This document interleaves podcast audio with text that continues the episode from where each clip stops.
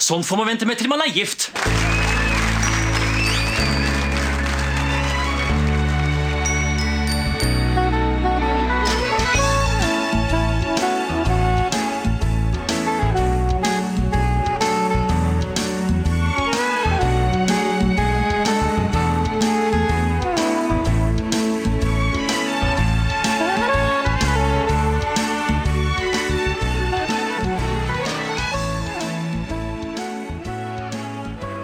Hallo, velkommen til en ny episode av Norsk film filmpodkast, hvor vi ser norsk film og TV med et kritisk, men kjærlig blikk. Mitt navn er Emil. Jeg sitter her som alltid med. Stefan heter jeg, og i dag så skal vi snakke om et av Norges fremste TV-konsept.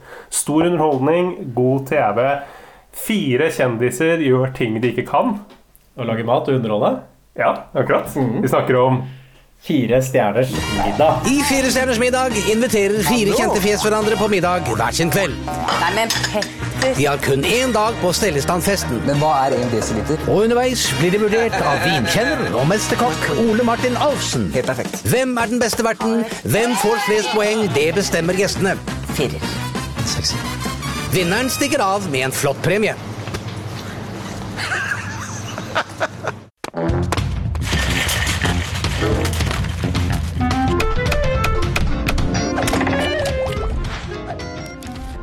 Ja, og Fire stjerners middag har vel gått i altså, Hvor mange sesonger er det nå? 12? Jeg tror Vi så fra sesong 17, og i Viaplay så mener jeg at det gikk fram til sesong eh, 20. Så jeg vet ikke, Går det fremdeles, eller? Ja, ja, det går fremdeles. Det er helt ny sesong nå med liksom både han eh, det var han eh, Niklas uh, Baarli og liksom hele Den se. samlet. Ja. den må du se. Det er ikke den vi har sett nå. Uh, før vi tar, presenterer buketten, så kanskje jeg kan snakke litt om hva som er forholdet vårt til Firestjerners middag. Ja. Jeg kan jo si, fordi jeg, jeg begynte å se dette her da det var helt rykende ferskt. Da gikk jeg på folkehøyskole, og da hadde vi, vi hadde ikke internett overalt, men vi hadde et lite TV-rom hvor vi ofte satt og hang og gjorde ingenting.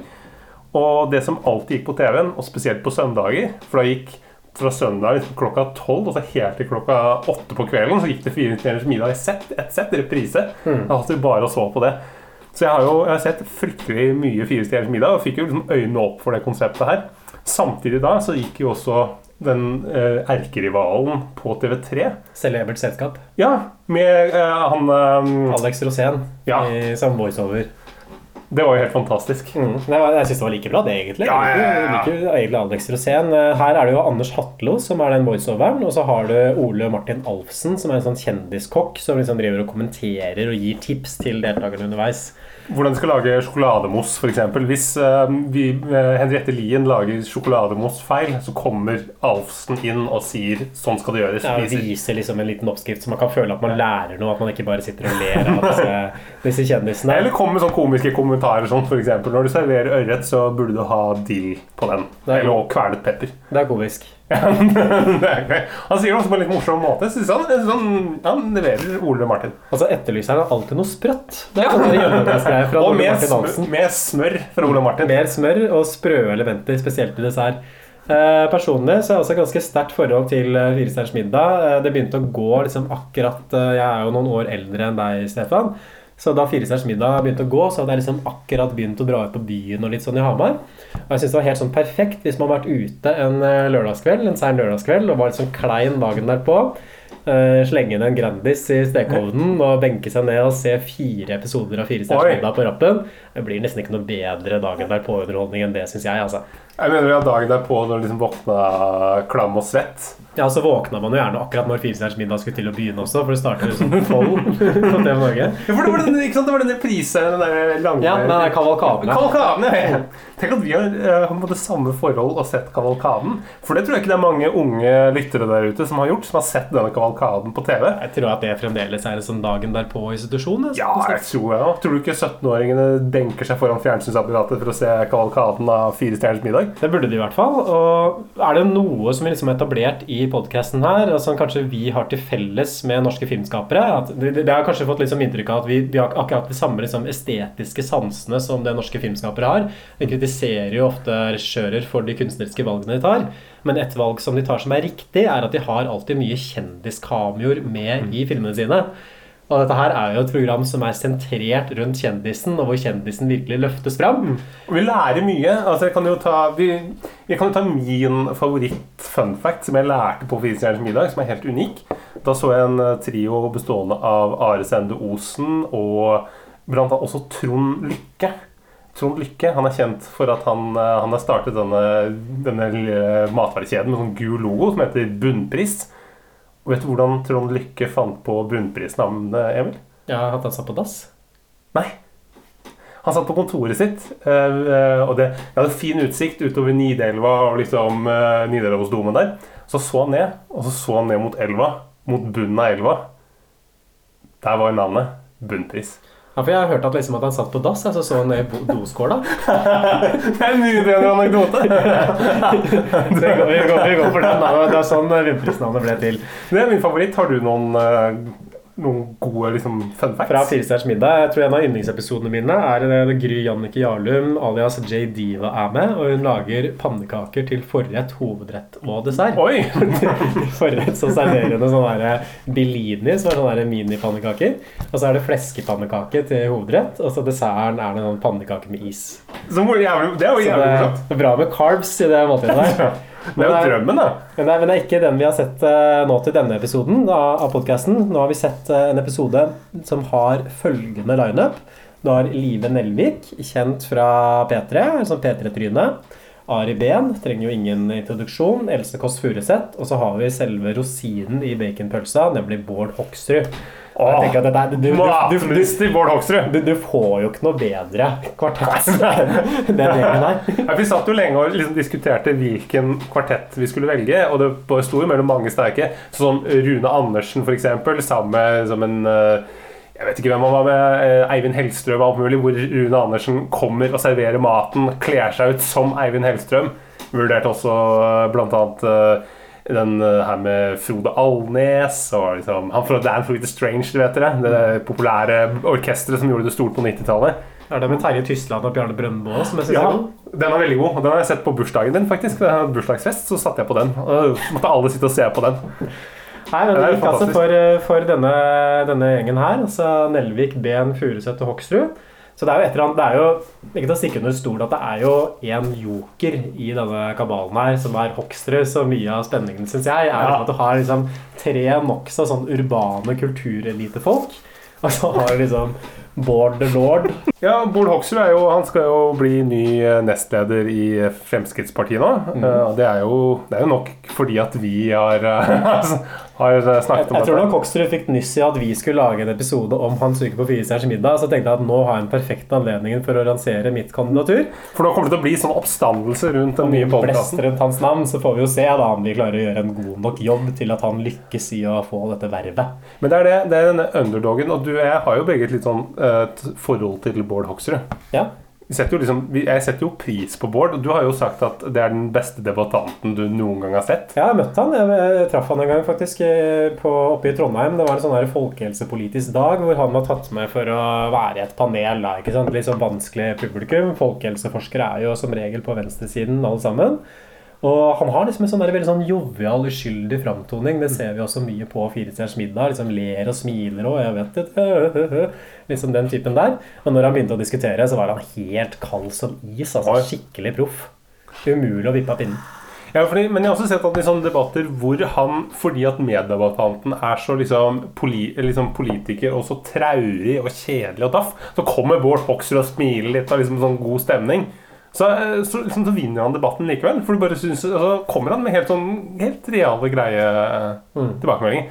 Og vi skal jo si at eh, eh, det, du kan jo Ingen av oss er, eh, er vel Frp Vi liker alle partier, gjør vi ikke det? Ja, Snakk for deg sjøl.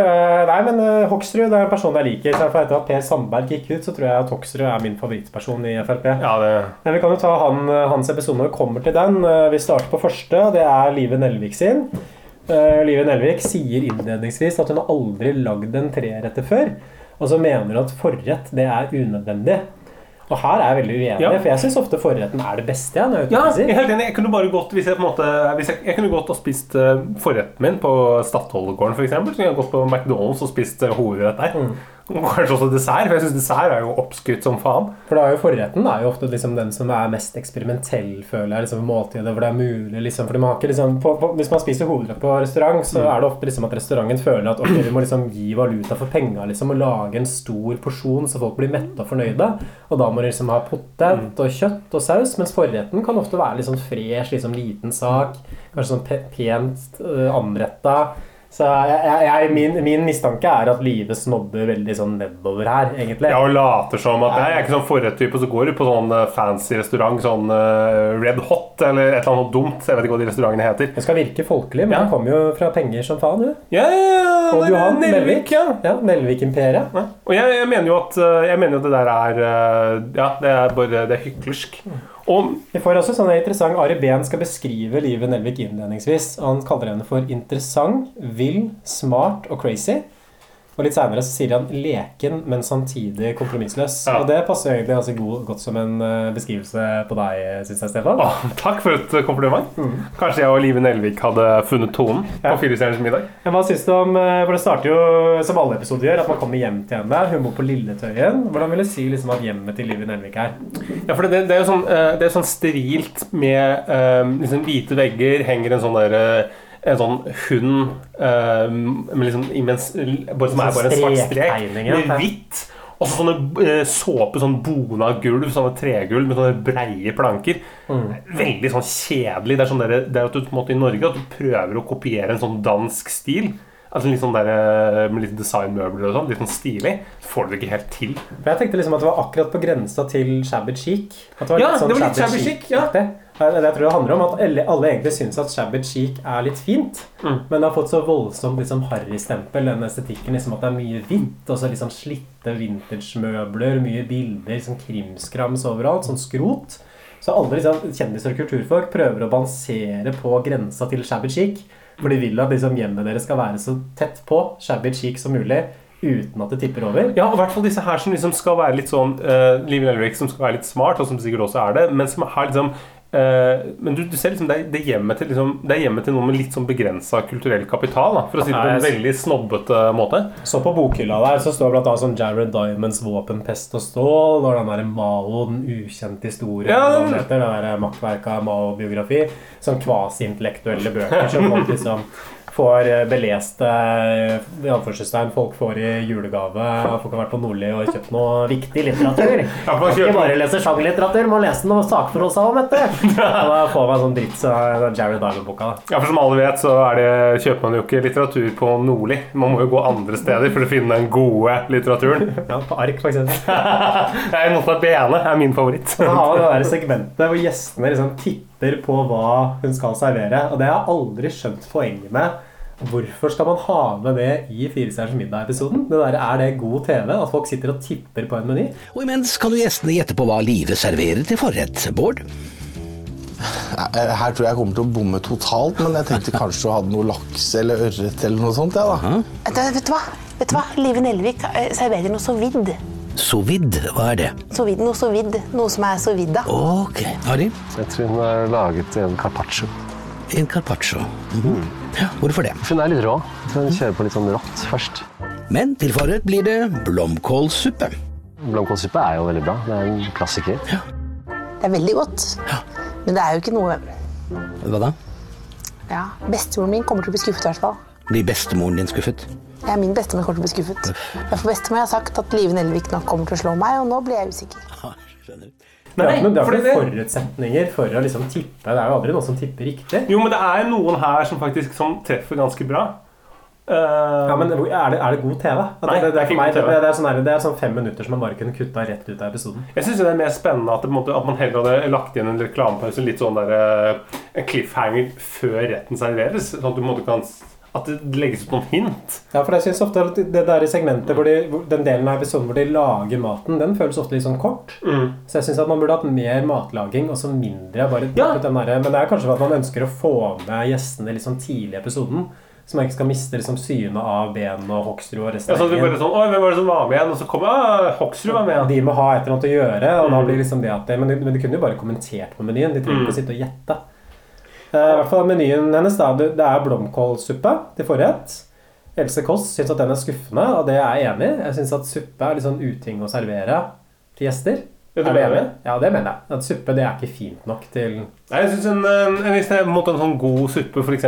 Sånn, litt sånn en, en indisk suppe med litt sånn, eh, sånn som smaker litt spennende krydder, kanskje en søt potetsuppe eller en, altså, en måte, Hvis den er ordentlig kremet, litt tjukk, så er jeg på en måte suppe, er jeg på det. altså. Ja, suppe Jeg er helt på suppe livet der. Det er suppe, liksom. Det er begrensa hvor bra det kan bli.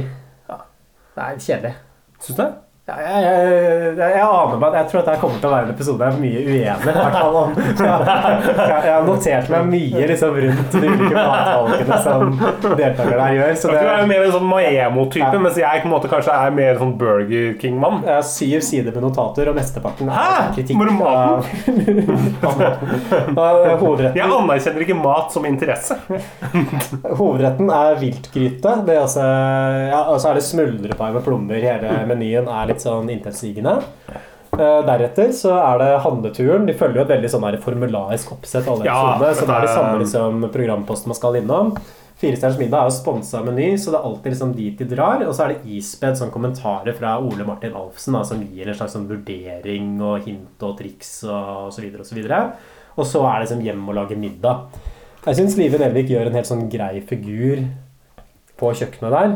Ja, jeg synes ikke i butikken. Fordi jeg synes det som er veldig rart, så måtte spørre om sånn uh, Hvor har du tonicvann? Og istedenfor å spørre en som er i butikken, så går du til han som står i ferskvaredisken. Sånn at han da liksom må ta av seg de jævla hanskene sine og gå liksom og vise henne. Og det gjør du flere ganger. Det syns jeg er veldig sånn der hoverende og overlegent. Han i ferskvaredisken har ikke peiling, han har ikke noe ansvar for butikken. Nei, og han i ferskvaredisken er jo på en måte Han er ansatt for å stå i ferskvaredisken. Han er på en måte et hakket over de som jobber i butikken. Han er på en måte slags han, ja, han er god på liksom Kanskje han er slakter eller god pølsemaker eller noe sånt. Og så skal han liksom drive og finne fram til sånn tonicvann som står i andre enden av butikken. Han er jo helt annet sted. Hvorfor ikke finne en som jobber på gulvet i butikken, eller gå til kassa? Det er så utrolig arrogant av Live Nelvik. Ja, kassa syns jeg ikke jeg skal stelle Nei, for. Skal skal spørre folk i kassa du, hvor er tonicvannet. Ikke kassa, men det er fortsatt bedre. Ikke ferskvareansvarlig. Han har ingenting. Hvis du skal ha karbonader eller røkt makrell, så går du til han, men du går ikke til ferskvareansvarlig for å spørre om, eh, liksom, om å finne eh, liksom Pepsi Max til Bård Hoksrud. Fordi du mener at det er slags sånn hån av de Ja, det er så latterlig. er Og han, han, står, han står i en helt annen ende av butikken.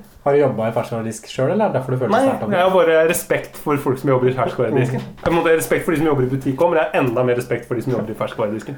En annen eh, avgjørelse man kan stille spørsmål ved her, er at eh, Live Nelvik jukser og får en nabo til å lage den blomkålsuppa Ja. for seg. Og dette her mener jeg at Firestjerners middag-prosenten egentlig burde forbudt. Jeg synes Ja. ikke det er at man skal liksom få andre folk til å lage mat for seg.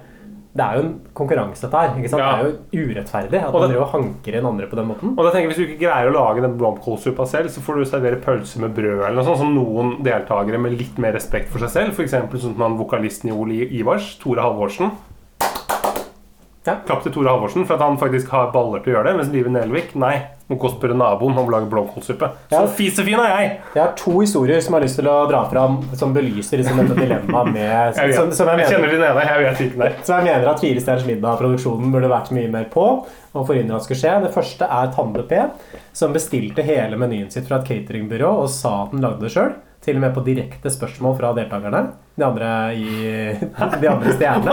Han, han, sa det Ja, direkte. han sa det direkte. Ja, men det syns jeg men det synes jeg Han, han, lata, han lata som at han hadde kjøpt lagd det selv. Ja, han sa at han lagde det sjøl. Han løy til det. Det er derfor han har kommet så langt. Så det er liksom det er skrekkeksempelet. Og så er det et skrekkeksempel i motsatt retning. Det er Ole Edvard Antonsen som ble uskyldig mistenkt av Åsleik. Elmark for å ikke ha lagd maten sin selv.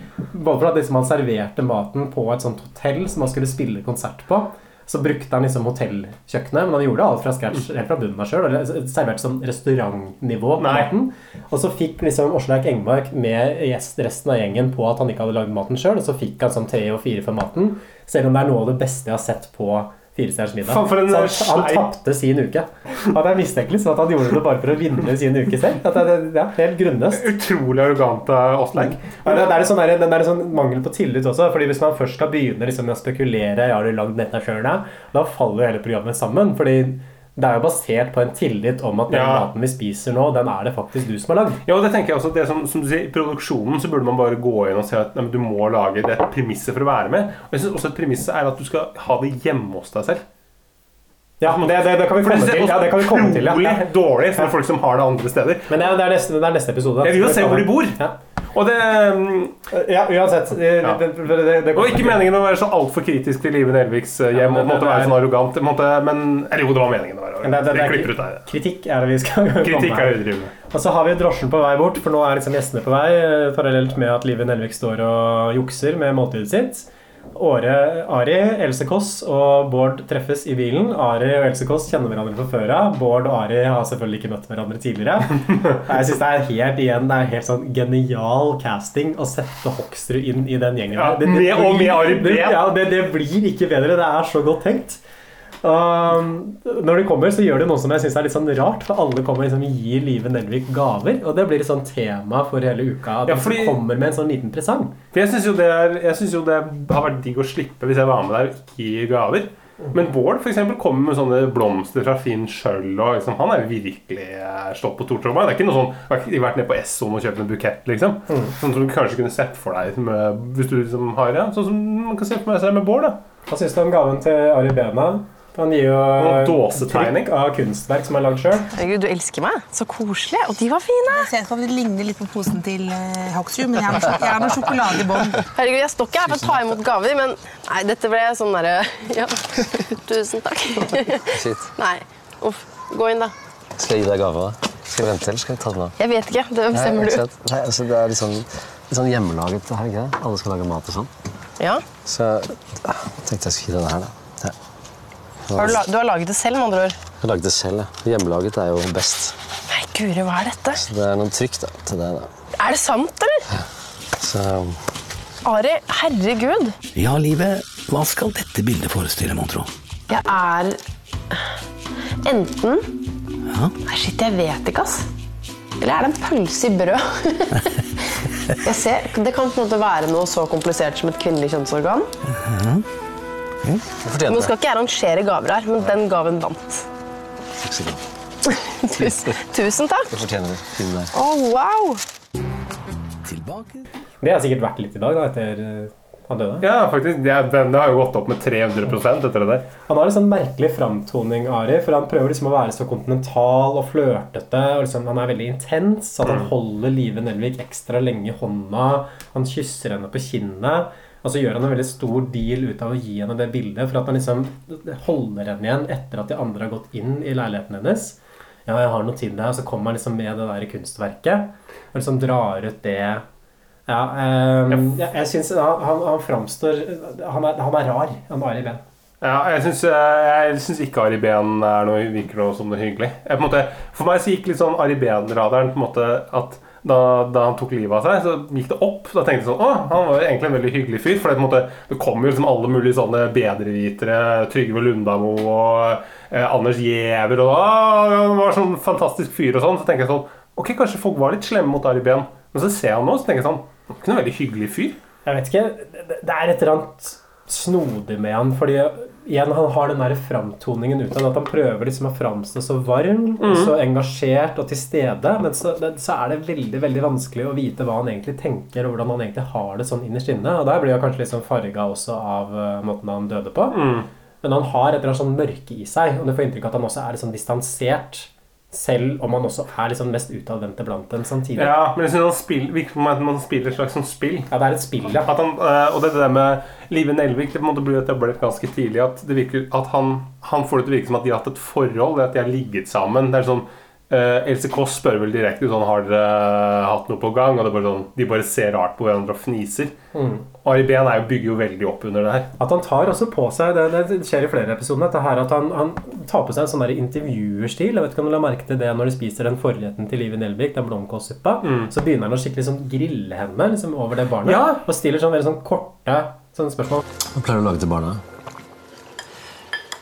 Alt fra nachos. Pasta? Ikke så, ikke så mye norsk. Ja, men det er liksom eh, lager ordentlig mat. Nei, men de spiser ordentlig mat. Det er, eller ikke hun minste, da. Hun er jo bare Hun er for liten, men eh, Hvor liten er hun? hun er eh, syv måneder. Så du ammer? Nei. Hvorfor ikke? Eh, fordi eh, Og litt feil spørsmål. Nei, nei, nei. Jo, nei, dette er kjempegøy. Fordi jeg kan Men du, men de spurte Nei, men de spurte på en erotisk måte. Jeg håpet det. Ja. Så du ammer? Kom over, altså. For jeg kjente da at da fikk jeg, kjente jeg din nervøse latter gjennom meg. Da begynte skulderen din. liksom. Så, så du ammer? Nei, nei, jeg gjør ikke det. Men det er fordi hvorfor ikke det? Nei, vet du Er du, sånn, du, er du feminist? Nei, det går ikke på det. Jeg bare, det er amming Det er så kvelende Jeg orker ikke å ha noe på meg hele tiden som er sånn en gang du gråter. Ta den, ta den. Den bare er på deg et helt år. Jeg, det, jeg, klarer, jeg klarer ikke det. Jeg er en veldig god mamma på andre måter. Hva skjedde her, Else? Nei, altså Det ble jo en slags ammedebatt ja. mellom da eh, Ari Behn og Live Nelvik. Eh, og det ble på en måte det første temaet. Det var jo på litt lenge, syns jeg. For da blir jo på en måte Bård Hoksrud og jeg litt bakpå. Eh, fordi vi har ikke så sterkt forhold til amming.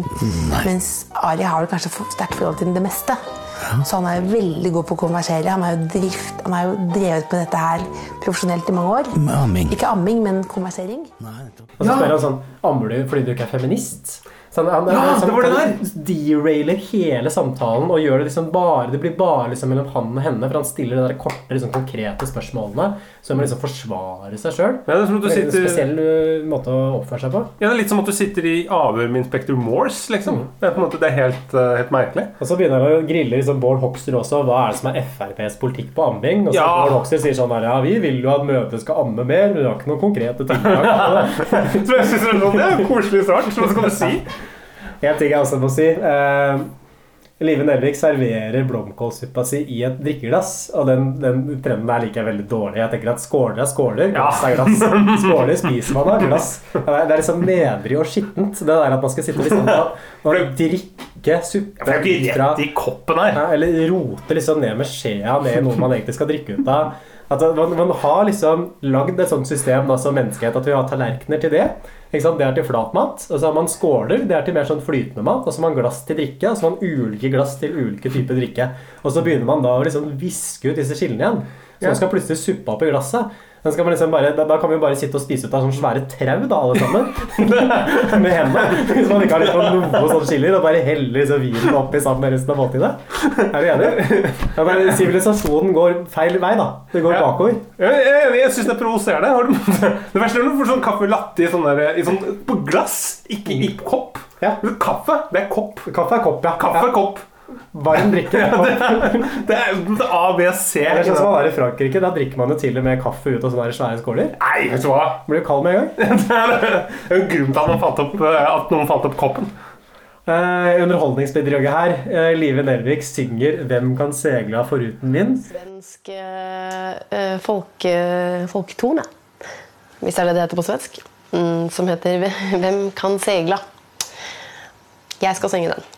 Er dere klare? Unnskyld. Det er ikke noe hyggelig, øvelse. Nå begynner jeg. Hvem kan segla forutan vind? Hvem kan ro utan åror? Hvem kan skiljas fra benen sin? Uff, Elsa. Utan välja tårar Ror. Det er riktig. Jeg bomma der. Jeg fortsetter. Jag kan segla uten vind Jag kan ro utan åror Men ej skiljas från vänen sin utan att följa tåror. Eh, Dårligste underholdningsbidraget. At det, er, det er noe av det verste jeg har sett rent sånn underholdningsmessig på Firestjerners.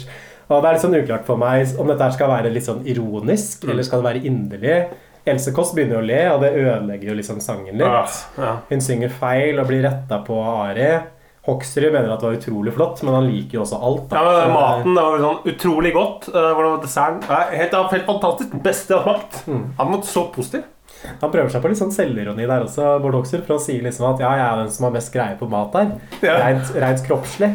Det- var Liven Nelvik bare he-he. Det er ingen, det er ingen som bare hopper på og syns det er altså, Hvorfor er det liksom For, det, for det, jeg føler at uh, Bård Hoksrud Det det som er så fascinerende med denne episoden her også. Bård Hoksrud vet også helt tydelig at han er sånn han, Du merker at han er klar over at han er sånn fish out of water. Ja, At han her er han på tynn is. Ja, Ja. han er helt åpenbart Du merker at han er enda mer usikker enn vanlig og på en måte sitter og liksom syns det er uh, Du merker at Det virker som han syns alt er ubehagelig. Ja, han, han står liksom bare ned og ser ned i bakken og smiler. Ja, og når han kom med den vitsen som jeg tenker at den kunne løsne opp Hvis det hadde vært sosialt oppegående mennesker, så hadde de ledd opp litt og gitt litt sånn, sånn respons på det. Ja, bra, Bård. Bra, Bård. Bra, du er liksom med gjengen. også kanskje Bård prøvde seg litt med, så kommet, liksom, så hadde det blitt en bra kveld. Men de liksom folk, Det er jo det som er problemet, at man har satt sammen Min teori er at det er, liksom, det er eh, to forskjellige mennesketyper her. Det er på en måte det er tre som er veldig selvsentrert og veldig opptatt av seg selv. Ari Behn, Live Nelvik og Else Kåss Furuseth. Ja, ja, sånn som tilhører litt sånn samme krets, litt Ja. samme segment. Samme gjeng. Og så er det Bård Hoksrud, som er mer en, eh, litt mer pleaser, kanskje. Ja. Som måte Han er folkets mann. Han er folkets mann. Han vant å gå, når, når, hvis du er en god politiker, det kjenner vi jo fra den Trond Giske-dokumentaren, det er jo fordi du er god til å lytte. Mm. Bård Hoksrud går ut, og så sier noen, og så sånn og så ler han, og så er det god stemning. Mm. Mens de andre her, helt andre typer. Han er på bortebane, uh, rett og slett. Men jeg syns jo, jo Bård leverer uh, Han gjør det, bra, altså. altså. Eh, summa summarum, Ole Martin uh, Alfsen sier at måltidet var middelmådig, men at det går bra fordi livet er så skjønn og vever å se til, så da ser vi heller på deg. Dette er kanskje veldig sånn pre... Det er 2017, som sagt. Det er veldig sånn tydelig sånn pre-metoo-æra. Sånn terningkastene Her fulgte jeg ikke helt med, men hun endte opp på 29 til sammen. Ja. Jeg har gitt terningkast sjøl, og da satte jeg tre for maten. Oi. Svak treer. Og så to for atmosfære. Og det der atmosfæreterningkastet har jeg aldri helt skjønt heller med Fire stjerners middag. For jeg syns det er litt sånn urettferdig å gi terningkast for atmosfæren. Fordi det bidrar jo alle fire til. Mm. Jeg tenker at Terningkastet burde jo være på underholdningen bare. Ja. Så det man har kontroll over som vert, det er jo maten man serverer, og så er det underholdningen. Underholdningen her er jo på nivå én. Det er liksom like dårlig som når Trond Lykke får liksom eh, barnebarnet sitt til å synge en sang. Jeg syns på en måte det er eh, Det er nesten Det er Det er å synge sanger generelt at det er ikke underholdning. Hvilken sang ville du sunget hvis du var på Fire stjerners middag? Lett med entertainer, kanskje? Ikke I Am The Tiger. Jeg syns også, det virker- jeg synes også virker som det er så klein stemning rundt bordet, men det, det gjelder Ja. kanskje hele uka. Jeg kan jo ta Else Kåss Furuseth, da. Eller har du noe mer å si om Nelvik Nei. sin episode? Uh, Else Kåss Furuseth, uh, vi får vite at hun aldri har lagd mat i sitt liv. At hun bare går, hun spiser åpenbart ute hele tida. Det kunne jeg tenkt meg. Hun slår meg som en person som ikke lager så mye mat, nei. Nei. Uh, og, hun, og her kommer vi jo til det der som er juks, som ikke burde vært forbudt i Fire middag. Hun er ikke hjemme hos seg selv. Hun er på Jessheim hos faren sin. Ja, det, det, det her må produsentene sette ned foten. Ja, det synes jeg også. Det er, Hele greia, Vi vil jo se hvordan de har det hjemme hos seg sjøl. Ja, jeg vil jo vite hvordan Else har det. Har hun liksom en sånn liten sjokoladeautomat i hjørnet? Liksom sånn som han er en human i altså, men du kan se på meg, Eller er det liksom sånn, er det sånn Det er mange gode, koselige puter. Liksom, jeg, måtte, jeg vil se hjemmet til Else Kåss Furuseth. Glade farger. Hvordan har du det hjemme? Jeg syns det er feigt og det er uærlig å ikke ha det hjemme hos seg sjøl. Mm. På Fire middag. Ja, Det verste jeg har sett, jeg tror, jeg tror til og med det var en, en deltaker, Anne B. Ragde, tror jeg, som hadde det i leiligheten til Unni Lindell. Hæ? Så det var jo lånt jeg tror det var sånn skriveleiligheten til Unni Lindell. Der skulle du ha det. Du må ha det. Det. Det er jo et eller annet sånn der, Hvis jeg skal hjem på middag til noen Jeg vil jo hjem i stua der hvor folk bor. Jeg tenker Hvis jeg hadde At liksom, invitert ja, deg på middag, og så sier jeg sånn Nei, du har lånt skal lov til, vi skal til faren din på Nesodden. Men han har ikke kommet. Nei, ja. Under tippinga er det morsomt, for Ari Behn kaster litt sånn shade, for han sier at Else Kåss kommer til å servere aspargisk surra i bacon, for det er sånn som man lager når man driter i mat. og så tar han seg litt i det, så bare Nei da, hun er sikkert kjempeflink til å lage mat. Men det, men det skal jeg si at altså, Ari Behn bidrar jo veldig mye her. Han kommer med mye morsomme kommentarer. Litt sånn, litt sånn kritisk og, og på en måte og, og han, han, han, det er jo det. Han bidrar til litt friksjon i det der eh, koselige konseptet. Det skal han ha for. Ja, Han får jo nesten rett også. Jeg liker han ikke likevel, men han gjør, han gjør det hyggelig. Det hun serverte forrett, er en rett som hun har kalt 2050 Jizza. Og Jizza er Jessheim, og det er melon og skinke. Og det er så low effort som det er mulig å få det. At det, det, er sånn snitte opp en melon og så legge noe skinke ved siden av. Ja, Det er, det, er ikke noe, det er ikke noe godt. Ja, for det er ikke det engang. Det er, det er, som du sier, det er bare skiver med melon, og så er det lagt skinke ved. Det er ikke, det er ikke noe. Det er ikke engang en surring. Det er ikke noe, det er ikke noe, det er ikke noe tilberedning. Det er ikke noe matlaging her. Det er bare å legge ting på en tallerken. Jeg kjøper to ting som jeg ligger ved siden av hverandre, så skjærer jeg noen skiver av en melon. Så Hovedretten er Furuseths høstgryte. Som ser helt jævlig ut. Som ser ut som, spy.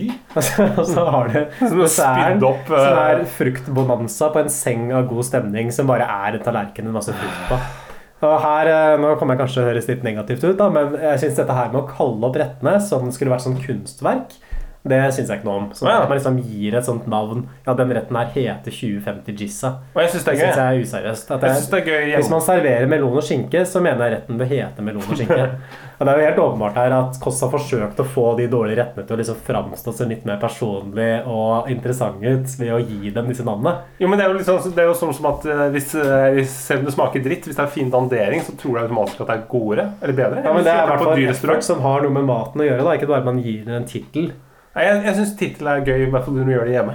Jeg vil ikke ha det på restaurant. Nei, Og så vil jeg ha på restaurant syns jeg er helt forferdelig. og Det, Og på restaurant vil jeg ha bilde i alle menyer, og du kan se hvordan de ser ut. ja, Der er vi kanskje uenige. Jeg, jeg er jo sånn som ikke liker å få menyen i det hele tatt. Jeg vil gjerne ha et sånt sett menu. Men det er Hæ? Sett-menu? Hva er det for noe? Nei, at man bare kommer der, og så bare får man servert mat, og så får man menyen etterpå. Hvis du går på Mækkern, så får du bare cheeseburger, liksom? Ja, det er ikke Omakase kaller man det på McDonald's. Så det er bare får man liksom Her er en Big Tasty, her er skikkelig McNuggets. Else Kåss Else Kåss kjøper altså jævlig mye sjokolade på Meny. Hun kjøper to, to sjokoladeplater. Hun kjøper én boks sjokoladetrøfler, og så en sånn eske med melkesjokoladehjerter. Her mistenker jeg at hun kjøper sjokolade som hun skal ha selv. Ja, ja. Men jeg, så ikke den sjokoladen stå ute på bordet. Det her er, til eget forbruk. Så jeg tror jeg ikke gadd å bære den i huset til faren engang. Det er noe som ligner igjen i bilen. Else? Usikker på om den var god. Prøv en gang til, du. Hvor skal du, Else? Else? Ok. Den var litt god, altså? Kjempegod. Skjønner. Hva leter du etter? Denne her Oreo-sjokoladen? er nesten som en drapsvåpen. Og da skal vi videre. Uh, nei. Så dette er sjarmerende ben. En lite melkehjerte rett inn i hjertet. Enda mer? Hvilken rett hører den til, da? Den til, til den til kaffen. Eh, ikke glem handlelista nå, da, Else. Ja, det skal jeg Men Ok, men nå bare Ja, Vi bare går videre, vi. Ok, nå kjører vi brus Pepsi Max. Til Bård Hoksrud. Styr unna Pierre Robert. Finn Pepsi Max. Men det, ville men det ville jeg også gjort hvis jeg var med på det her, og bare raida Meny og kjøpt uh, Bare kjøpt opp hele butikken, ja. Masse, kom- masse pils. Kom, og snus? kom, oh, ja, masse snus. Ja, snus til Bård Hoksrud. Det her kommer vi tilbake til, for det er jo en som er helt ram på dette her i det programmet her. Og det, ja, og det blir spennende. Hvem kan det være? Ja, Begynner på A og slutter på ri.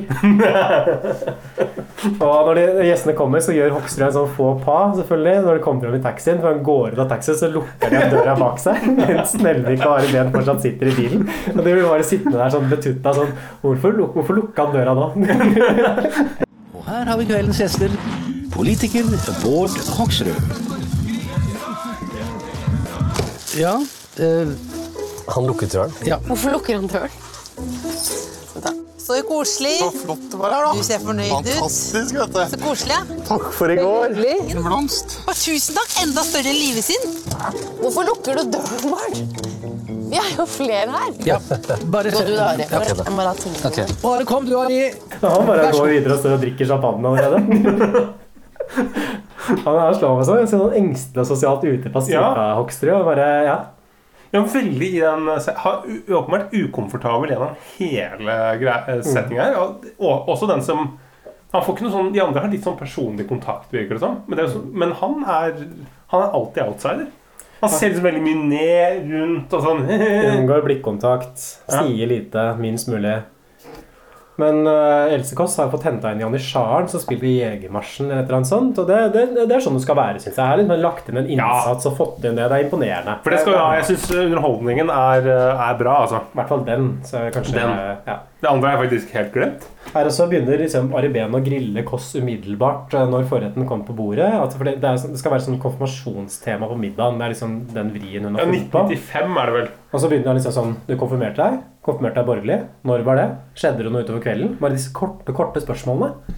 Er han journalist, liksom? Eller ser ut er han eh. Jeg vet ikke.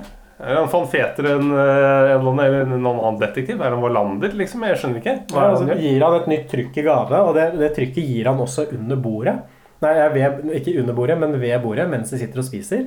Så gir han det trykket. For da begynner samtalen å gå liksom rundt hans kunst. Så man får veldig inntrykk av at han hele tiden må liksom styre samtalen og gjerne inn på seg sjøl. Ja, så fordi han skal selge inn et eller annet. At sånn, eh, Se, de nye trykkene, dette har jeg begynt med. Og så vet du at etter den episoden her, så kommer de ut i, på et eller annet dumt galleri, og så selger han dem. De dåsetrykkene. Uh, Underholdninga til Else Kåss er nødt eller sannhet. Uh, det blir egentlig mislykka fra starten av, for Bård Hoksrud har ikke lyst til å synge. Han sier at han ikke får lov av Per Sandberg, og så sier Ari Behn 'Hvem er Per Sandberg?' Eh, Hjertelig velkommen til underholdningen. Eh, og underholdningen nå er kjempespennende. Vi skal spille Nødt eller sannhet. Oi. Oi, oi, oi. Den kjenner jeg. Du kan forklare reglene, du, da. Man velger nødt eller sannhet. Nødt er eh, noe fysisk, altså man må utføre noe. Eh, og sannhet er å svare på et spørsmål. Da kan du spørre Hoksrud. Nødt eller sannhet, Bård? Jeg ville tatt skikkelig nøtt hvis jeg var deg. Jeg er god i den leken her, altså. Ok, eh, Du mener jeg skal ta nøtt? Ja, ja gjør det. Ok, tar nøtt, da. Ok, Hva er yndlingssangen din? Det er Take On Me. Ok, Og bare så du veit det, jeg får ikke lov å synge den. Per Sandberg har sagt du synger ikke den. Jeg har sunget én gang før på TV. hvem, hvem er Per Sandberg? Det Ja, er, det er fiskeriministeren. Da, da må vi, nei, Ja. det, altså, Take On Me er jo kjempevanskelig. greit. Jeg har jo ikke noe Morten Eiken-stemme. Jeg kan ikke synge. Det går ikke, vet du. Jeg har ikke sangstemme. Meaningless to say I don't know what, what to say, I'll say it anyway. Today is another day to find you. Shine away. Jeg kan ikke helt teksten. I'll be shining for another day. Take on me Ja, det er veldig gøy! Han vet Altså, ikke hvem og Bård Hoksrud bare er. Fiskeriministeren. Hæ?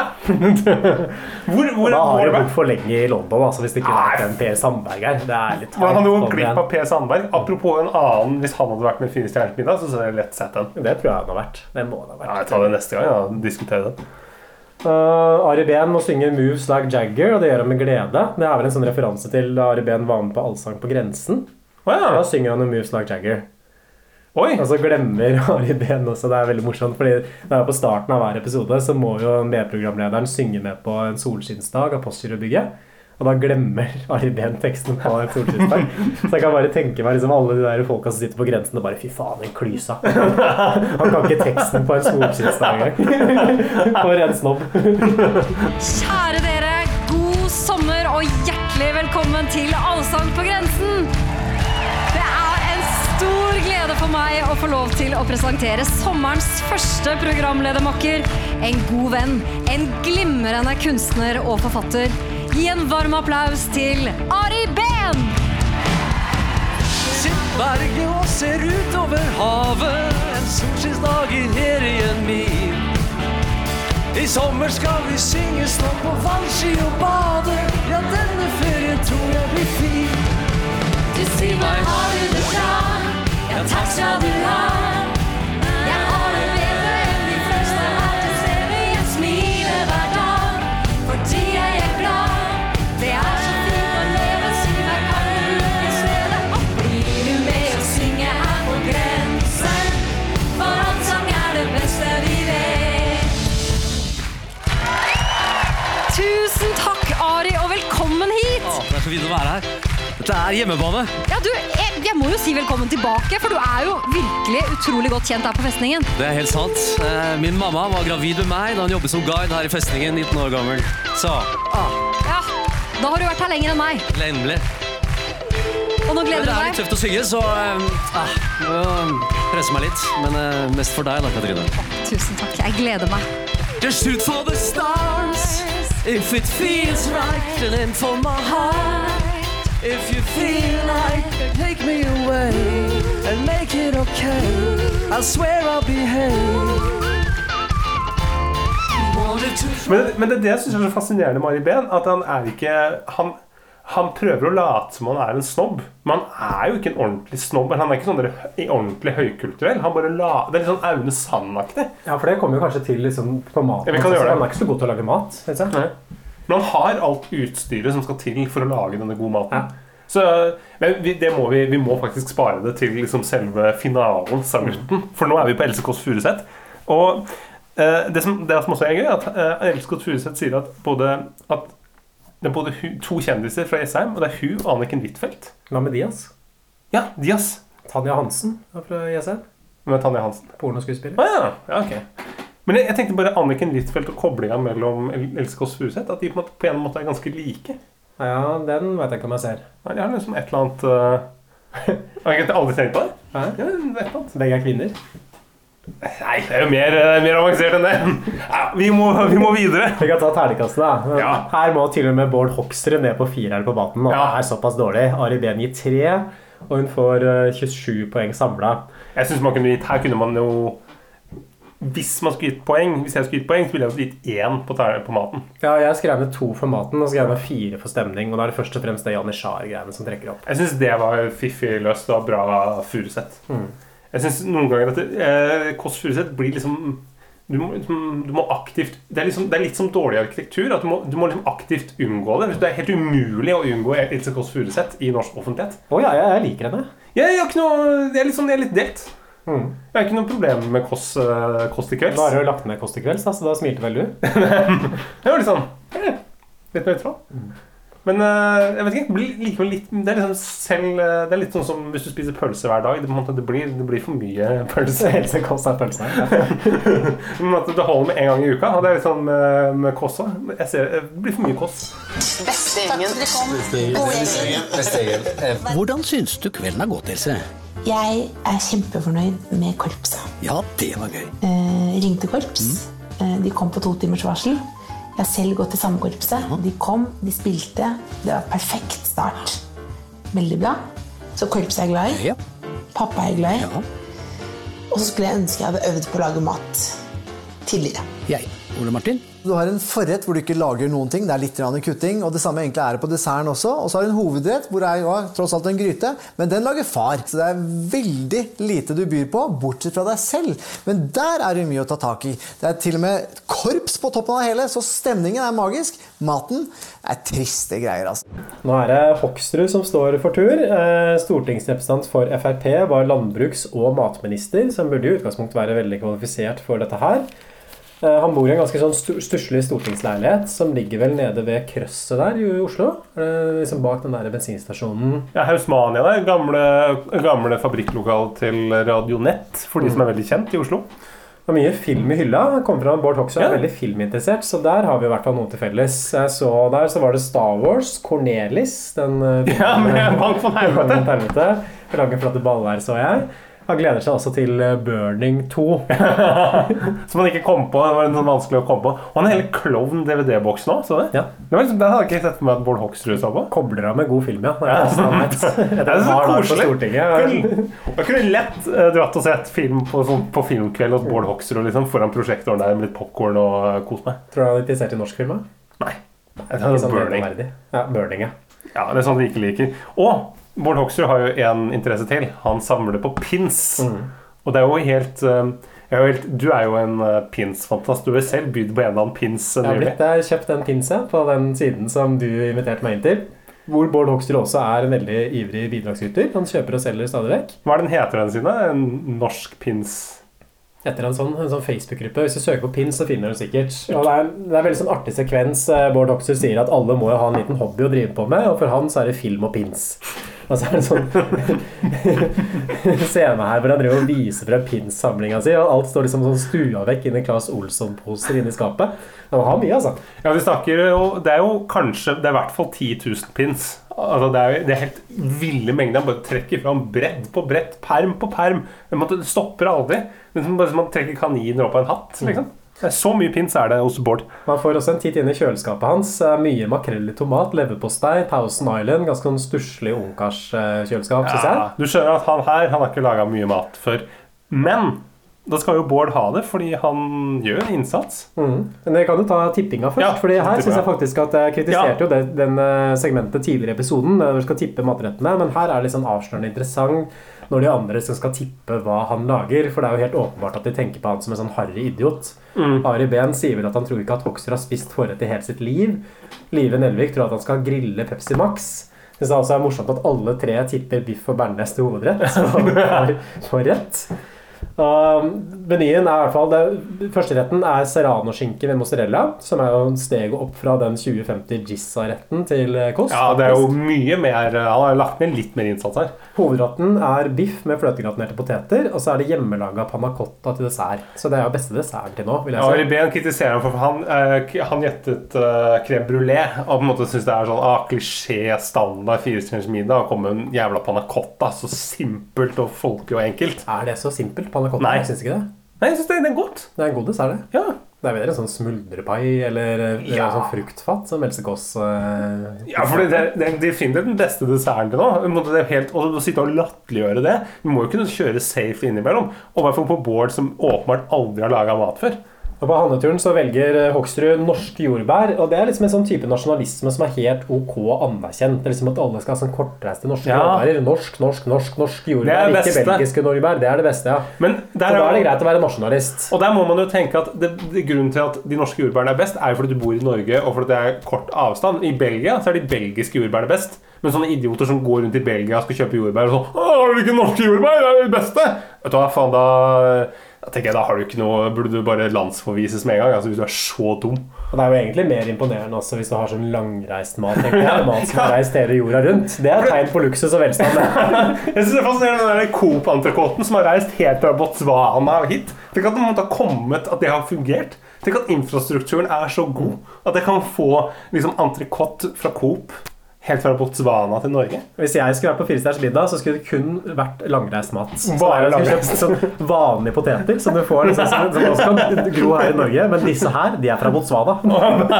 Men det er jo så interessant. Jeg gjør jordsmonnet og sollyset at de smaker annerledes i Nei, nei, Botswana? det skal ikke smake annerledes, men det er det at jeg har reist så langt. Det er, det er status, tenker jeg. At har vært på tur, litt sånn linjeakevitt. Linjepoteter. Jeg får sånn vondt av Hoksrud på kjøkkenet også, for det er så åpenbart at han vil så godt. liksom. Han Ja. vil det beste for gjestene sine. Han tar seg veldig flid med alt sammen. Han lager sånn individuelle små skåler med peppersmør, f.eks. Smaker til og med på smøret. Ja, det smør, og det peppersmør er da eh, i Bård Hoksrud. Det er liksom et par eh, pepperkorn, og så er det smør. Det er Han er altså veldig sånn klumsete, og han tar veldig mange dårlige og rare valg Ja. Så for eksempel på den der forretten hans, det er den der osten som er pakka inn i serranaskinka som er stekt i ovnen, og så har han lagt en sånn ring med sånn rå cherrytomater rundt for å prøve å få det til å bli litt pent. Det er veldig, veldig søtt. Og når gjestene kommer også, så får de selvfølgelig litt snop, sukker og brus. Ari Behn kan ikke komme på noe han hater mer enn Pepsi Max, sier Ja, han i han hater brus, og han hater Pepsi Max enda mer. Hallo, hallo, Ari. Hallo, min venn. Veldig hyggelig. Veldig hyggelig. Hallo, takk for sist. I like måte. Hei, takk for i går. Takk for i går. Koselig. Fantastisk gøy i går. Veldig koselig. Jeg tenkte at når dere kom til meg, eh, så tenkte jeg liksom litt snop og sånn. Det er alltid sånn, det er Frp-mat, så da tenkte jeg at det var bra. Var det bra, Ari? Sukker og brus. Fy faen. Hater Pepsi Max. Ikke det Verst jeg vet. Skjønner. Jeg tror ikke det er noe jeg hater mer enn brus, egentlig, men i hvert fall Pepsi Max. Han er, han er generelt veldig negativ i intervjuene, Ari Behn, og så er han veldig positiv sånn ansikt til ansikt med deltakerne. Så han er veldig sånn two-face. Men på Bård Hoksrud så synes jeg han er på en måte Han er sånn ekstra neggete og vanskelig allerede også mot Hoksrud. Han sliter liksom med å holde seg høflig. Han er veldig hånlig og nedlatende med måten. Bare 'Å, dette var godt. Å, så bra. Mm. Så han mener det er, komisk å sitte og se Ari Behn sitte og spise den der drittmaten som har lagd. Det, det, det er sånn øyeblikk det, det, er derfor man har Firestjerners middag, tenker jeg. For å få scener hvor Ari Behn må sitte og spise forretten til Bård Hoksrud. Men han vet at han får betalt for dette, så han må jo bare lide seg gjennom det. Men jeg syns jo, jo det, er, liksom, det er jo god TV, men det er også Altså, Jævlig arrogant av Ari Behn. Altså, måtte, hvorfor gå etter Bård Hoksrud, som på en måte er, virker som en sånn har faktisk gjort sitt beste, prøvd servere Pepsi Max som velkomstdrink. Det er jo litt sånn humor. For det er det beste han vet, men han har også champagne, så han sier jo det at jeg skal ikke trenge å liksom, stå og drikke brus. Nei, han gjør det jo bare Han gjør det jo Pepsi Maxen er jo åpenbart ment som at jeg er Pepsi Max-kongen, liksom. Han, på en måte, han altså, det, er, det er gjort med et lite sånn glimt i øyet. Og på en måte, Hvorfor ikke bare anerkjenne det? Liksom Gi Hokseren litt anerkjennelse istedenfor er Ari Behn bare som sånn derre Oppfører seg bare som sånn rasshøl. Jeg synes også sånn, Jeg stussa på meg her, fordi Ari Behn gir en bok i gave til Hoksrud, ikke kunst. Ja, han, ikke han gir trykk til, til uh, Else Kåss og til eh, Live Nelvik, men hvorfor gir han en bok til Hoksrud istedenfor? Mm, Tror du Bård Hoksrud leser mye? Hva slags bok var det? Det var vel sikkert en av hans egne. da En pocketbok også. Ah, Tenk om han gir den der, Hvis han gir Trist som faen i pocketutgave. Stusslig. Er Ja, men, men, men, men, det er, er sånn rar forskjellsbehandling der. Da. Jeg tenker liksom Hvis du skal gi et trykk til to av deltakerne, så må du nesten gi den til en tredje også. Ja, og, og, og trenger han ikke gi det dåsetrykket? Kan gi noe annet, da, han penistrykk f.eks. Men det har han sikkert ikke. Det er et eple, sånn som Fremskrittspartiets logo. Ja, det var det gøy. Eple med en penis som stikker ut fra et sånt lite høl i enden. Og igjen så begynner jeg liksom på det der intervjuet med en gang ikke sant, når de setter seg for å spise. Sånn, og spør liksom Bård føler du oppriktig at du gjør en innsats for folket som har valgt deg. Og i intervjuet så sier liksom Mari at ja, det er veldig viktig å være opptatt av politikk. Det er viktig å delta i samfunnet, det er viktig å stemme. Men samtidig så vet han jo ikke vet, Han visste jo ikke hvem Per Sandberg var. Så Nei. hvor interessert i politikk kan han være? Ja, men han er jo ikke det. Han er på en måte bare sånn klisjé. Han er sånn derre uh, han, han, er, uh, han er på venstresida, og han, han, men han, han, tenker ikke, han tenker ikke over hva han stemmer. Han er det bare sånn følelsesmessig, for det er, det er opplært. Han er kunstner. Det er riktig for hans liksom, personlighet å være sånn. Men han, er jo ikke noe Han er helt uinteressert politisk. Det er bare mote for han. Ja, Det virker på en eller annen måte som han tenker at han bryr seg mer om politikk enn det Bård Hoksrud gjør. Og det er jo Bård Hoksrud tross alt som er stortingsrepresentant, og i hvert fall liksom jobber med politikk til daglig. Og Da. kommet seg inn på Stortinget og til og med vært eh, liksom, matminister en liten stund. Og det, og det er også sånn Han spør sånn ja, Hva er din visjon, Bård? Og Bård blir sånn svar skyldig. Sånn, ja, men jeg jobber for enkeltmenneskene. Mm. Enkeltmenneskene liksom kamp mot systemet når de blir urettferdig behandlet. Jeg tenker sånn Ja, ok, greit. Det er liksom den der liberalistdelen av Frp. Mm. Men, men, men, men også Ari behandler ham som at han er sånn derre eh, sånn, eh, eh, liksom sånn skitten, sånn ekkel, sånn politisk type. Det er en helt tydelig sånn eh, politikerforakt, nesten Ja. liksom klasseforakt også. Ja, for det- er det sånn det det er. hvordan de tre andre forholder seg til Hoksrud. Det er også Live Nelvik som begynner liksom å grille ham sånn der, ja, hva tenker du om miljøet? Og så begynner liksom Hoksrud å spore av, begynner å snakke om at han har kjøpt en kaffemaskin som hadde masse emballasje. Og Liv Nelvik gir seg ikke liksom, ja, hvor miljøvennlig er du på en skala fra 1 til 10? Fordi dobbel biff og bil og vei, hva med miljøet? Bård Hoksrud. Det var så herlig at du spurte om det nå. For jeg har kjøpt kaffemaskin da, for jeg visste at dere drikker kaffe.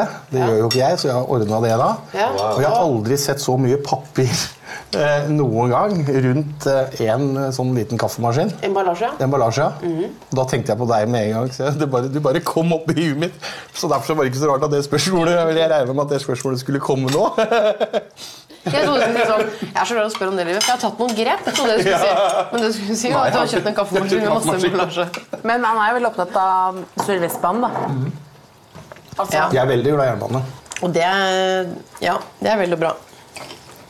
Men, men hvor mye Altså, ja, men bil og kjøtt Liksom hvor um, Hvor miljøvennlig vil du si at du er på en skala fra 1 til 10? Du kjører 45 000 km Det kunne du gjort med en elbil, f.eks. Jeg, jeg, Hvorfor har du ikke elbil? nei, for det, det, bilen er jo ikke så gammel ennå. Ellers kan jeg ikke ha elbil, fordi det går for kort foreløpig. Teslaen går ikke kort. Nei, Tesla går ikke for, men, men hvis du skal ha en annen type elbil, altså litt rimeligere elbil, så er det fortsatt for dårlig rekkevidde. Prøvde du å diskutere politikk med Bård? Det å diskutere med Bård er ikke det samme som å diskutere med politikere. For Bård er Aha. så søt. Jeg har ikke Ja. lyst til å ta ham. Han er så hyggelig. Og den piggsveisen og man er liksom bare så... Der syns jeg at du framstår som veldig dårlig, egentlig. At det er sånn typisk sånn middelklassemoralisme. At man gjør den der miljøsaken bare til sånn middel for å hevde seg over andre i selskapslivet. er Kjører du elbil, eller kjører du dieselbil? Sant? Kjøper du økologisk rømme, eller kjøper du den vanlige rømmen? Og så synes jeg det er veldig gøy med sånne folk som er opptatt av det, som ikke greier å skille mellom klima og miljø. Det er to forskjellige ting. Du må lære det. Klima er liksom det er, det, er, det er liksom det som er, det er det som er gassene som slippes opp, liksom CO2-utslipp. Det har ikke, har ikke Live Nelvik skjønt. Og tenker at det er, sånn, det er klimavennlig hvis jeg bare kildesorterer og kjører elbil. Men tror du Live Nelvik lever så jævlig miljøvennlig? Liksom? Sånn, hvor, mange, hvor, mange, hvor mange biler tror du hun har? Og liksom, hvor mange tror du hun flyr rundt omkring? Hvor mye klær tror du kjøper? og- Nei? Det er, bare, det, er, det, er helt, det er liksom Det er utrolig sånn eh, moralistisk mot, uh, mot Bård Hoksrud her. Mm.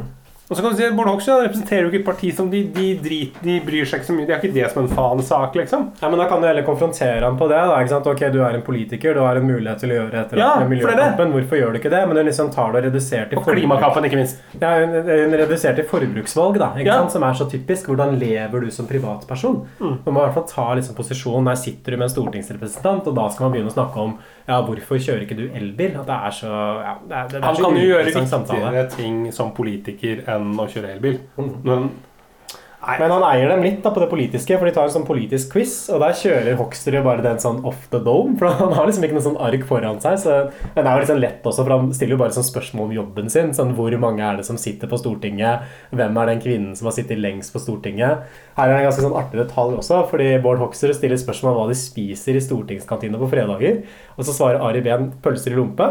Og sier Hoksrud er det er feil, og så insisterer Ari på at det er riktig. Jo, jo, det er pølser i rumpe! sånn. Jeg tror Bård Hoksrud som jobber på Stortinget, veit bedre enn Ari Ja. Behn, som nettopp har kommet liksom, til Norge fra England, og hva de spiser på Stortinget og ikke. Men hva, hva er det de spiser på Stortinget? Husker du Da var det taco. Var det? Taco, taco og pizza. Oi, så digg eh, fredagsmat. Det er kos Men, men det, det er så avslørende for den der eh, arrogansen til Ja. Ari Behn også, at han tenker at han veit bedre enn Bård Hoksrud Ja. hva de spiser på Stortinget, som er hans arbeidsplass. Ja, for han, er, han, er en mye, han er mye smartere enn eh, Bård Hoksrud, som åpenbart er en dum fyr fra Frp. Vi får også en scene her hvor Ari Behn ringer til kona til Hoksrud. Og fittetyven Behn selvfølgelig liksom ringer og bare 'Hei, kjæreste, hvordan går det med deg?' Hei, kjære Ingunn. Det er Ari. Hei. Hei, skjønner. Er det bra med deg? Ja, veldig bra. Ja. Det, eh, litt sånn mellom oss. Jeg ringer litt sånn på siden her. Men eh, mannen din, vet du, Bård, han har laget helt fantastisk måltid. Nei, men Så koselig å Er det høre. Kjempekoselig. Ja, nei, vi har kost oss veldig. Ja, er bare kos deg, det hører Du hører vi har det gøy her. Du hører vi har det gøy her. Vi elsker deg. Den er grei. Ha det bra. Ha det. Bård elsker deg! Vi, vi elsker deg. Du sier ikke 'elsker henne'. Du må si 'elsker deg'. Ha det. Elsker deg. Ha det. Ring opp og si det. Jo, ring opp og si det. Jo, si det. Ring opp. Nei, hun svarer ikke nå. Jo da, hun gjør det. Vent og se. Ja, fin kone. altså. Elsker deg. Det er ikke vanskelig å si. elsker deg. De tre ordene. Innafor det, ikke sant? Mhm. Ja. ja. Innafor, ja. Mm. Nydelig. Hør nå. Hallo, jeg skulle ringe henne og si at jeg elsker deg. Så får du ha en fin kveld. Ha det bra. Ha det. Ha det. Ser du? Så Det Nå ble Ingunn så glad. Vi. Skål, da. Kjærlighetsskål. Og, og, og så bøller liksom resten av gjengen Hoksrud til å ringe kona opp igjen og si at han elsker henne. Jeg syns de behandler han veldig sånn nedlatende og egentlig ganske dårlig her. altså. Ja, fordi eh, Bård Hoksrud har ikke så veldig mye valg når alle andre sitter liksom og roper sånn 'Ring og si at du elsker henne!' Jo, kom igjen, da! Kom igjen! Og Hoksrud vil ikke. Han sier jo liksom at 'jeg kommer ikke til å ta telefonen'. Nei, nei, kom igjen, gjør det nå. Det er så utrolig lumpent lompent gjort. En annen ting som jeg synes var interessant, var at Hoksrud får bedre terningkast for maten enn for stemningen. Ja, han det er er veldig- veldig, dårlig Han er veldig dårlig for stemningen. Ja, det er, det er veldig sånn unikt i Firestjerners middag-sammenheng. Jeg tror nesten aldri har sett det. Fordi vanligvis så er det jo sånn at man gir kanskje litt lav for maten, og så kompenserer man da for å gi veldig gode stemningsternekast. At man gir fire for mat, og så får man litt sånn dårlig samvittighet fordi det er lavt. Og da gir man heller seks for stemning. Men her får han bedre uttelling på den maten, som tross alt ikke er så veldig bra, enn for stemningen. Og jeg tror liksom at det handler om at de ikke liker han så godt, rett og slett. Men så skjønner jeg ikke altså Uansett hva du syns Det er jo det som jeg, sliter med meg her. At, at uansett hva du syns om det han står for politisk, så er jo ikke, virker jo ikke Bård Hoksrud som noe kjip vert eller en kjip fyr. Han virker jo som en, på en, måte en person som er ganske lett å like, uansett hva du mener. Ja, han framstår jo best her, syns jeg, av de tre spesielt, eller av de fire spesielt i denne episoden. Ja, ja, ja, jeg helt enig. Så han ender opp med 27 poeng eh, totalt, som er like mye som Else Kåss. Eh, Personlig så ville jeg kanskje gitt han en firer for maten, altså firer for eh, stemninga. Jeg tror nok at dette her er det måltidet jeg helst ville spist av de som er servert til nå. Hvis jeg Ja, ja, ja. Ja, det er jo bare dritt. Quiz er jo også bedre liksom, enn nødt eller sannhet, og bare, eller å synge en sang. Ja. Ja synge en sang er jo lavmål nummer én. Det er ingenting. Det, korpset er greit og sånt, men dette her er jo tross alt noe. Han har jo en sånn jævla liten hybel. Det er ganske trangt. Det er liksom begrensa hva du kan gjøre der. Men jeg syns han hadde prøvd å Jeg syns han fortjente mer. Jeg syns han burde opp liksom på kanskje Kanskje ikke 30, men 29 poeng. Jeg synes at de, de er lite rause, da. Ja, Hvis innsats var en faktor, så burde han jo fått terningkast 6. Mm. Han begynner jo fra not ingenting. Du merker at han, måtte- han har fått liksom streng beskjed av kona har liksom sjekket oppskrift og planlagt lenge i forveien hvordan dette skal gjøres. Og så kan du si at ok, det er jævla usexy med en fyr som ikke greier å lage mat. Men faen, Else Kåss Furuseth greier jo faen ikke å skjære løk engang, eller koke poteter, og må ringe en venninne. Ja, Live Nelvik juksa jo Ja. på blomkålsuppe. Ja, og det er, hun, Det er usexy, det òg. Jukse på blomkålsuppe. Noe som er, er så enkelt. så basic. Koke blomkål, med mose med stavmikser, liksom. Og putte oppi litt kraft. Hvor, hvor vanskelig er det? Utrolig provoserende, merker jeg. Skal vi gå videre til Ari Behn? Ja, Eh, faen for uh, rasshøl de andre. Altså, jeg liker, liker ikke dem. For det, det, En ting som er spennende her, er at Ari Behn har nettopp flytta inn i et hus som eh, ligger i Lommedalen, får vi vite. Og håndverkerne driver liksom og jobber på det huset, så har liksom akkurat fått inn møblene. Så det virker ikke som han har sovet en natt i det huset engang før han liksom inviterer folk inn på Firestjerners middag. Utrolig lite sånn aribensk eh, hus fra utsiden. Veldig sånn der Blokk Vatne fra 90-tallet. Sånn Ja. ferdighus. Men inni der så er det sånn turkise vegger, lysrosa kjøkkenskap. Han beskriver selv sjøl som sånn karibisk piratstil. Han har også en Chesterfield-sofa som koster sånn omtrent 10 000 kroner, tror jeg, for den. Uh, menyen hans, forretten, det er suppe med søtpotet og ingefær, soyamarinert ørret. Igjen så er dette her med å servere suppe til eh, forrett, så der er vi uenige, Stefan. Ja, det så den skal jeg la ligge. Jeg er ikke så veldig glad i søtpotet heller, egentlig, men jeg syns dette høres litt sånn kjedelig og hverdagslig ut.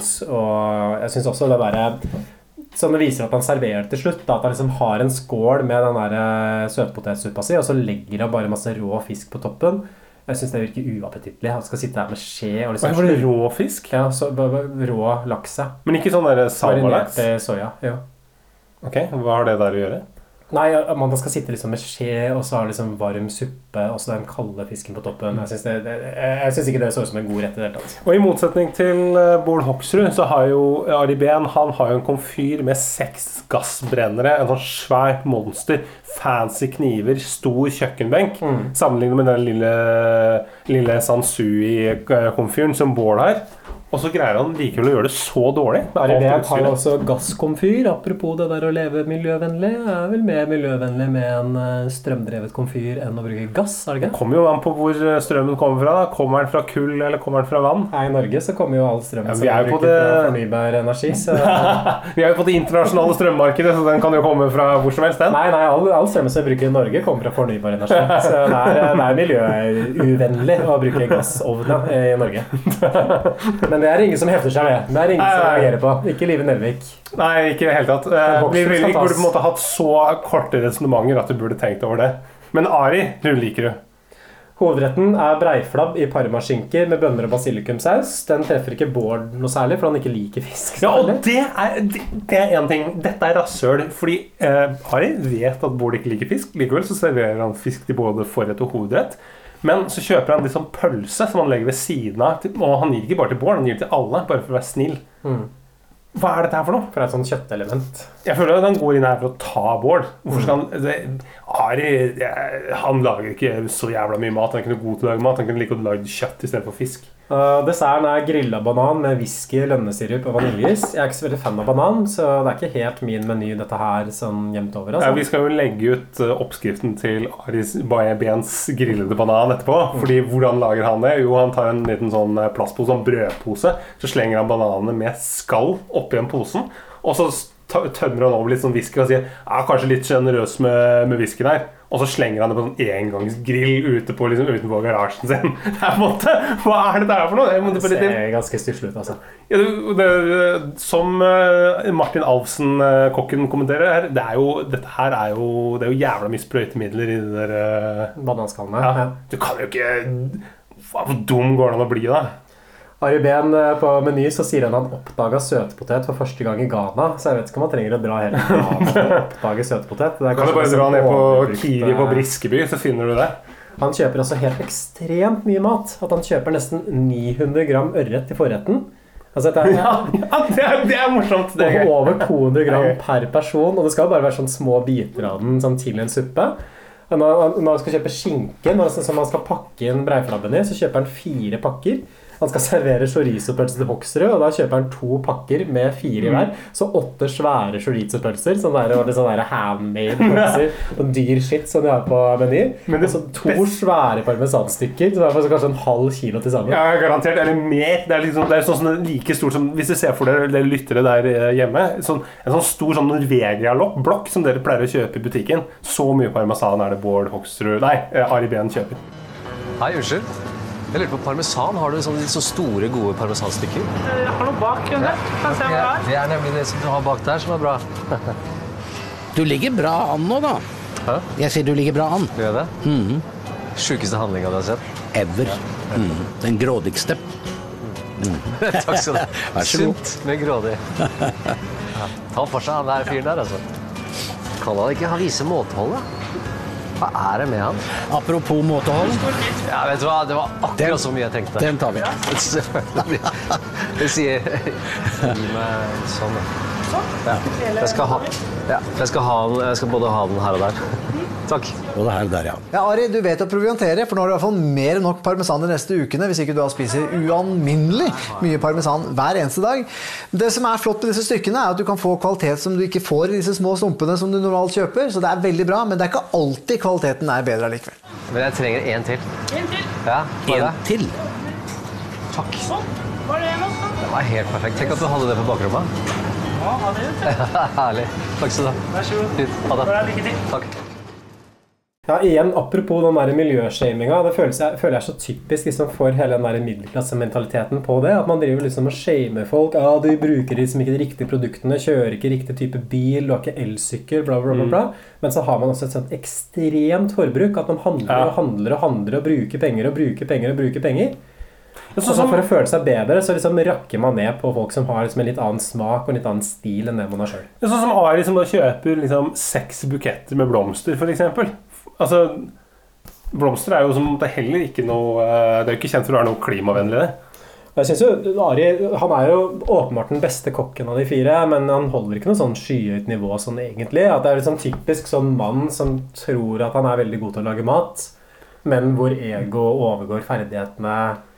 Og hvor kanskje det at ego er såpass høyt også at maten blir dårligere. For han Mm. tenker at ja, dette her kan jeg, så jeg bare tar litt på gefühlen. Så burde han egentlig fulgt en oppskrift. Sånn som en suppa, eksempel. Der har man vi har søtpotet, og så har vi soya og ingefær, eller ginger, som uh, Ari Behn kaller det, Ja. i marinaden av laksen. Og det er da liksom kobla med parmesan og koriander. Men- det, det, det gir ikke noe mening. Det er helt sånn krysskrasj liksom, mellom ulike smaker her, da. Ja, men dette er på en måte bare Men her tror jeg jeg skal liksom vise at jeg er sånn kunstner. Jeg skal utfolde meg og Jeg tror bare den ikke har peiling, jeg. Men tror du han bare, han, bare, han har kjøpt den der gassbrennerkomfyren og sånn litt for at jeg er glad i å lage mat. Jeg tenker at Parmesan det er fint, så det er bra liksom å raspe over liksom parmesan over en suppe som ikke har noe behov for parmesan. Ja. tatt. Så parmesan det står ikke til soyasaus og ingefær i det hele tatt. Det er litt sånn smjøker som kjøper sånn beste kjøttet på bondens marked, og så lager de sånn kjøttgryte av det. Ja, det bare oversteker biffen som faen liksom når du kommer hjem. Ah, men, det sånn, men det her, det er jo det er som du sier, dette er jo, eh, dette er et problem. Sånn, han er jo sånn overforbrukstype de luxe. Og så sitter han der og disser stakkars Bård Hoksrud. Liksom.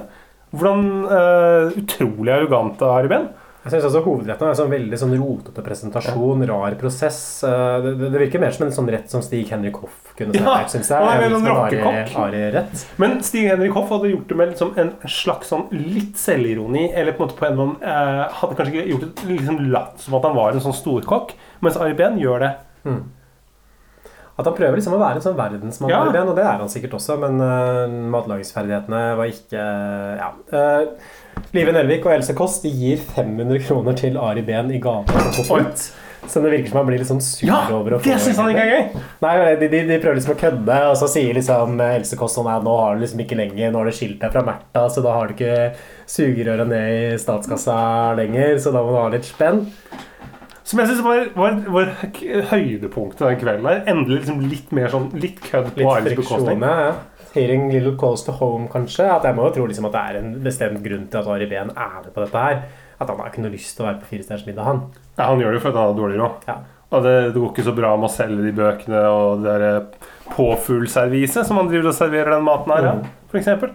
Underholdningen hans at han får gjestene til å skrive dikt, og da gir han dem liksom bestemte oppgaver. Så han vil at Hoksrud skal skrive et dikt om sosialdemokratiets forfall og framtid. Mm. Og så gir han et diktoppgave til Live Nelvik om amming. Sånn, han liksom ref den der eh, diskusjonen som de hadde rundt middagsbordet. Og så skal Else Kåss Furuseth skrive et dikt om eh, kjærlighet.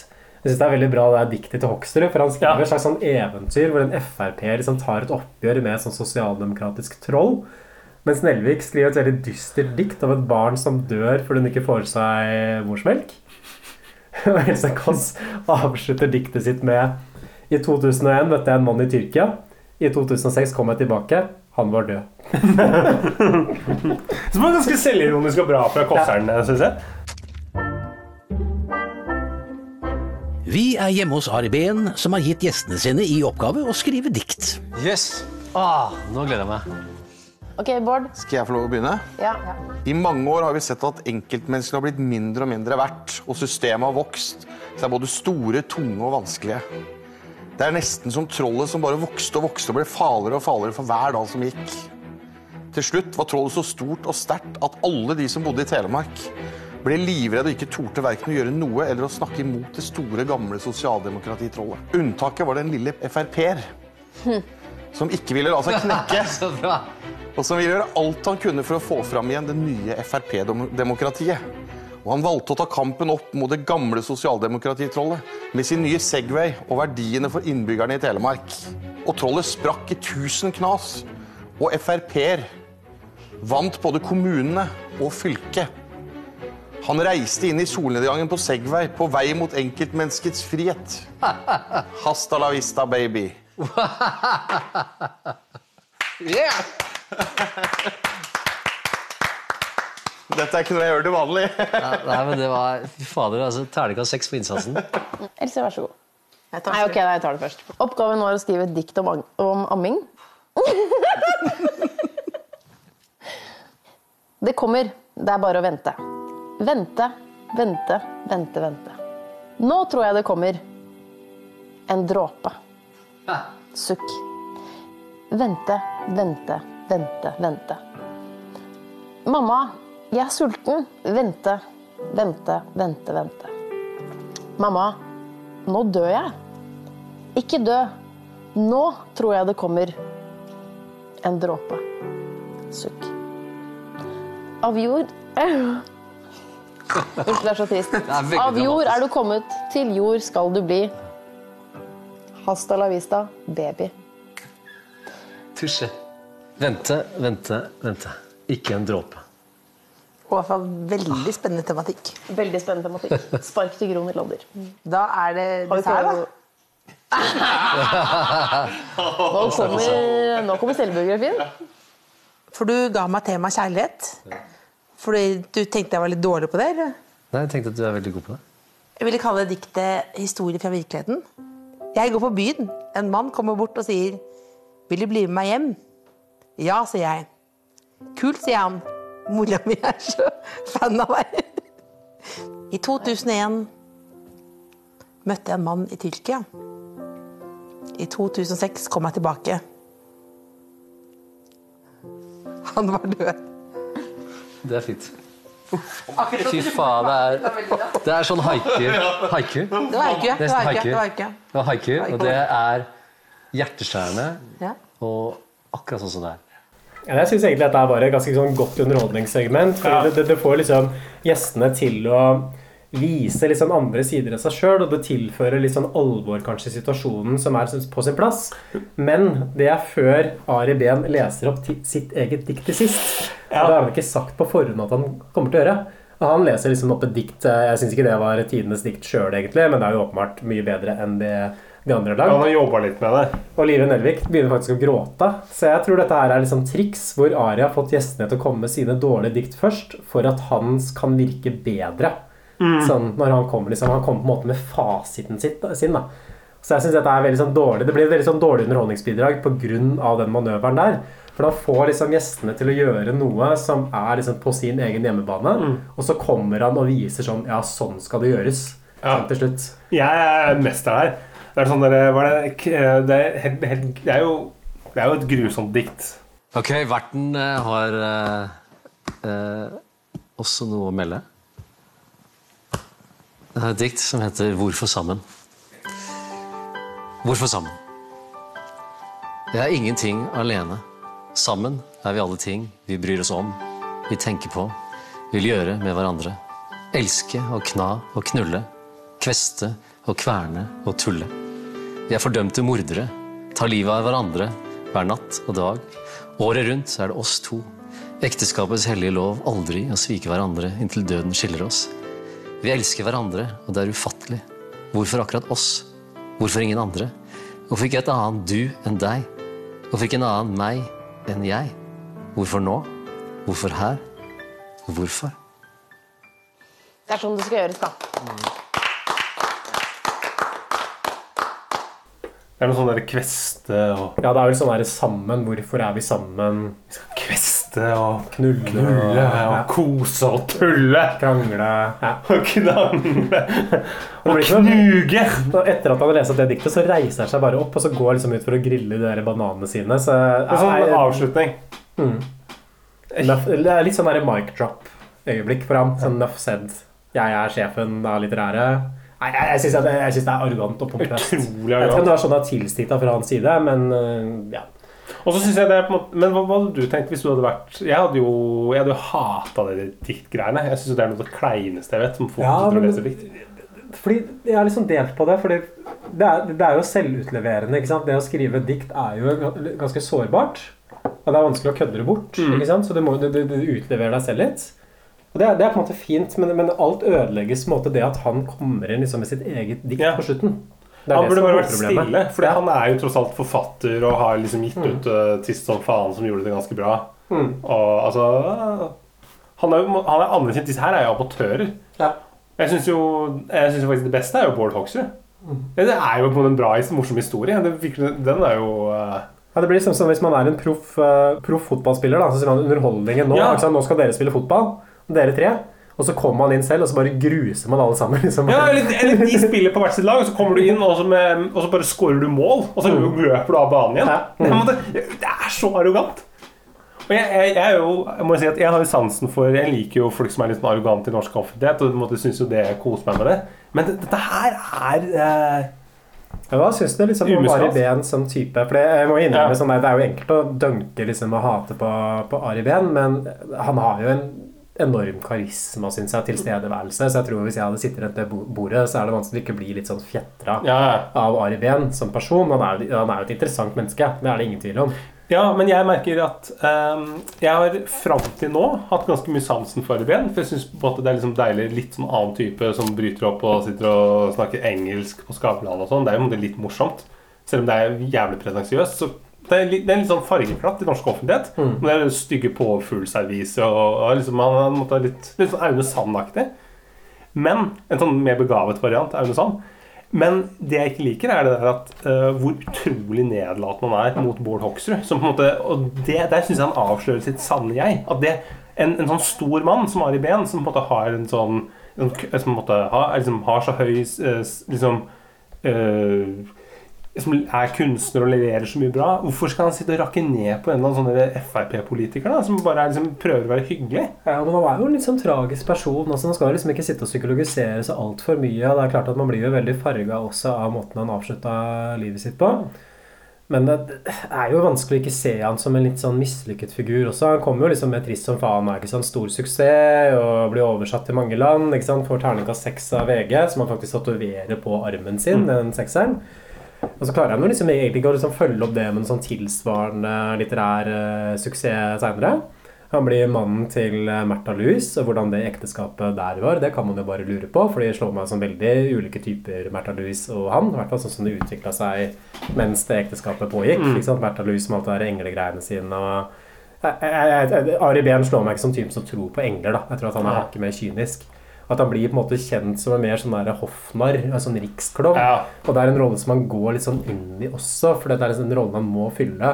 Men han blir jo ikke noe han blir jo ikke noe seriøs forfatter. Ikke sant? Det er ingen Nei. som kommer til å nevne han i samme ordlag som Karl-Ono Knausgård eller Vigdis Hjort eller Jon Fosse eller Dag Solstad eller disse folka her som man kanskje skulle ønske at man den, De rekkene han skulle ønske at han tilhørte.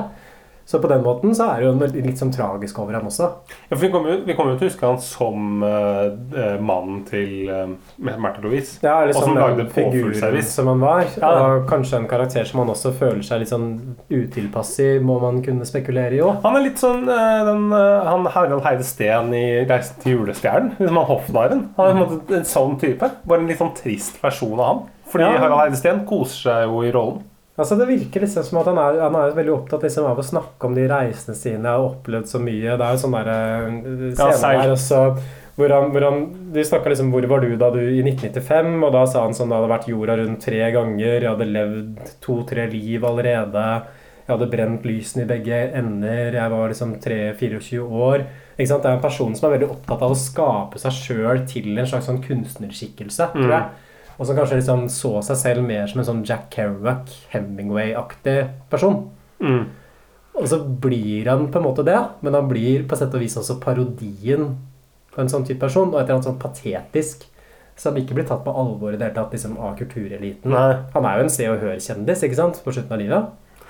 Ja, og så, er det det der at eh, Men han, han, problemet han er at han, han, han sliter jo med den her balansen mellom liksom eh, mellom å være seriø pompøs, seriøs og ironisk. Mm. At jeg tror Hvis han hadde sagt det i, men gi en smule ironi, hvis han forsto ironi og hadde lagt inn det, så tror jeg han hadde, hadde kommet bedre unna det med det. Men fordi han ikke, fordi at han ikke greier det, så framstår det bare som sånn pompøst. Da han blir en sånn riksklovn. Ja, så er det kanskje at forfatterferdigheten ikke sto helt i stil Nei. med Ego, som viste seg over tid. da, ikke sant? At eh, Han fikk jo ålreit kritikk for noen romaner og noen novellesamlinger som har kommet etterpå, men ikke, ikke så god kritikk som det han burde ha fått, kanskje, eller som han selv ville ha. Men jeg har jo lest, sist, har jo lest sist om faen. Jeg syns jo det var mer enn noen, virka mer som en humorbok enn uh, Litt sånn som den der eh, den der sportsboka til Per Inge Torkelsen, f.eks. At det er bare sånn at du lurer på Er dette tull, liksom? Er det er det, jeg mener at dette er seriøs litteratur? Jeg synes det er litt sånn avslørende også hvis man ser forskjellen mellom han når han på en måte er ute blant folk, og i de intervjuene. For i intervjuene så framstår han veldig blasert, veldig negativ, Mm. veldig kritisk. Uh, liksom livslei, trøtt, ufokusert. Og ute der så liksom, da skal han liksom kysse folk på kinnene og bare 'Else, du er en så unik person. Jeg kunne vært nødvend, eh, fornøyd bare med sa, luft og kjærlighet så lenge jeg kunne vært med deg. At han skrur på en sånn ekstrem sånn sjarmørmodus. Men er det liksom hvem han egentlig var sånn innerst inne? Sånn åpenbart ikke, tror jeg. Nei. Jeg tror nok De fleste ble jo overraska da han tok livet sitt. Men når man ser det sånn i ettertid, så er det enklere å skjønne.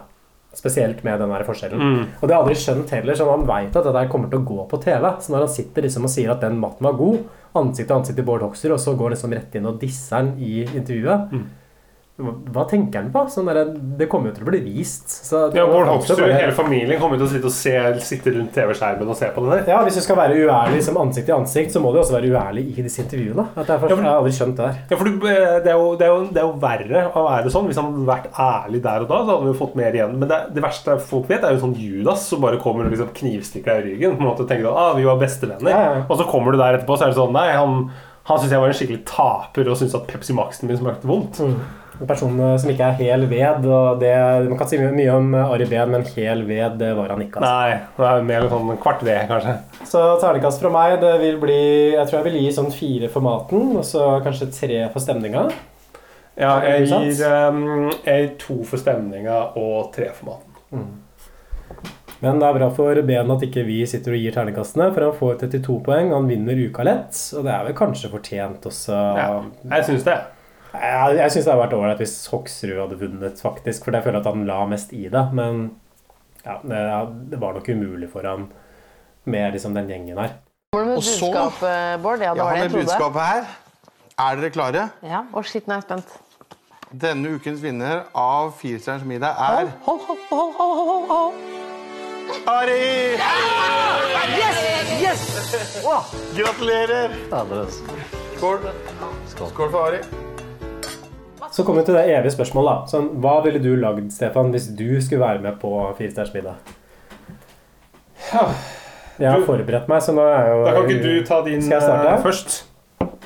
Jeg ville lagd så mye som jeg kunne forberedt på forhånd som mulig uten kamera til stede. Hvis jeg kunne satt i gang Ja. prosessene dagen før, f.eks.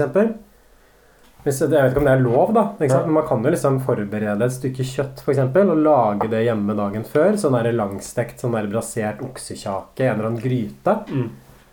For det kunne jeg lagd liksom i min egen ro og mak. Ja. Og så når kameraene kommer, så er det egentlig bare liksom ferdigstille det, og så er det bare å legge opp på Du må kjøpe det sjøl. det kan ikke gå på Meny med, Ja, men det med vil Anders Hatlo. Jeg regner jo med at man får vel en sånn 20 30 40 000 for å delta på programmet, vil jeg tro. Så det kunne jeg kosta på meg, liksom. Og så kunne jeg litt kjøpt noe andre greier. Har du hørt den fantastiske historien med eh, Espen Thoresen, som ble ringt opp av Fire stjerners middag? Så hadde han nettopp fått sånn skattesmell på 47 777 kroner. Og så sa han sånn Jeg blir med på Fire stjerners middag hvis jeg får 47 47 777 kroner. Det er god, er god historie. Ja, for da, da, da kunne jeg kosta på meg det. For jeg, er, jeg, Så det var ikke meningen å avbryte historien. Nei, men, men, men eh, strategien min ville vært å lage så lite som mulig på kamera. Ja, og bare lage ting som jeg bare kan legge opp. Så forretten min det ville vært eh, noe rå fisk. Noe sånn crudo, f.eks. Hva er crudo for noe? Crudo det er en sånn rå fiskepreparasjon. At du bare skjærer opp noe sånn høykvalitetsfisk, og så lager du en sånn dressing på olje, salt, sitron og chili. Hør på det. Det er, eh, det er rene Bent Stiansen der. Igjen, for det kan du bare lage på forhånd og sette i kjøleskapet. Så kan du bare ta det ut og servere det og sette på bordet. Men så bare legger du crudoen på bordet, så er det Og etter at litt sånn imponerende element, f.eks. noen sånn sylta grønnsaker, kanskje en chip av noe slag, så kunne jeg kanskje fritert den chipen liksom sånn i en kjele. Så det vil være forretten. Det, det, dette her er god mat. Jeg har sett en, en toppsjef, eh, amerikansk eh, kokkereality-program. Det er en deltaker som vinner sesongen på bare å lage crudo, crudo, crudo, crudo. crudo. For, det er, for det er godt. Det er, Crudo til alle, rett, alle måltid. det er rå fisk bare med syre. Alle liker det. ikke sant? Ja. Så i hvert fall, hvis, du, hvis jeg ikke hadde Bård Hoksrud på besøk, da, da måtte jeg funnet på noe annet. Men, eh, og, og det kan forberedes på forhånd. Eh, til hovedretten så ville jeg lagd noe langstekt eh, kjøtt med salat, kanskje potetpuré eller en hasselbackpotet eller annet sånt. En god saus. På dessert det er nok min svakeste rett. Så igjen så tror jeg jeg ville gått for noe jeg kunne lagd på forhånd. Eller lagd noe som virker litt sånn imponerende, men som egentlig bare består av mange komponenter som man kan kjøpe ferdig og bare legge opp.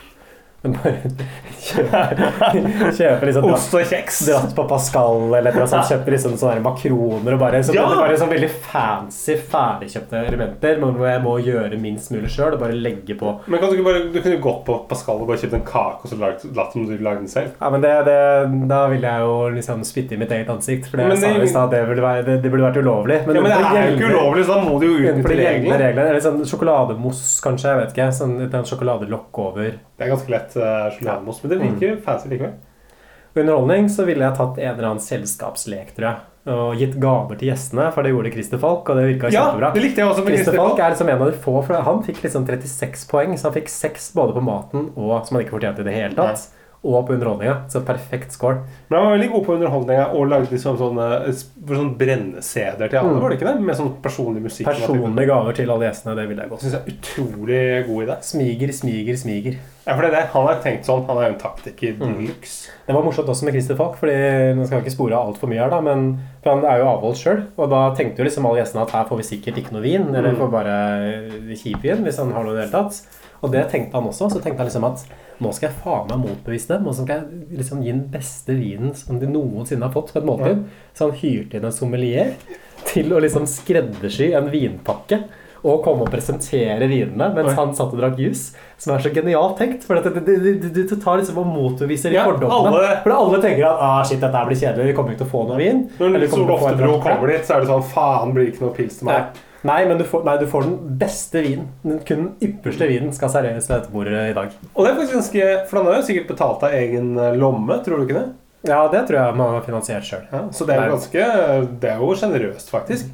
Christer Falk er jo kanskje også Norges smarteste mann, så Oi, ja, du har respekt for eh, Christer. jeg har respekt for Falk, Ja. Nå har vi til menyen din, eh, Stefan. Eh, nei. tid til å tenke. Ja, til eh, forrett så ville jeg hatt sånn asparges i i spekeskinke. Og så var i redd mener at man lager når man driter i mat. Ja, men jeg tenker det er, det er sånn lett og greit. Skulle, skulle gjort det perfekt og så måtte kokt aspargesen sånn at den var hard og god.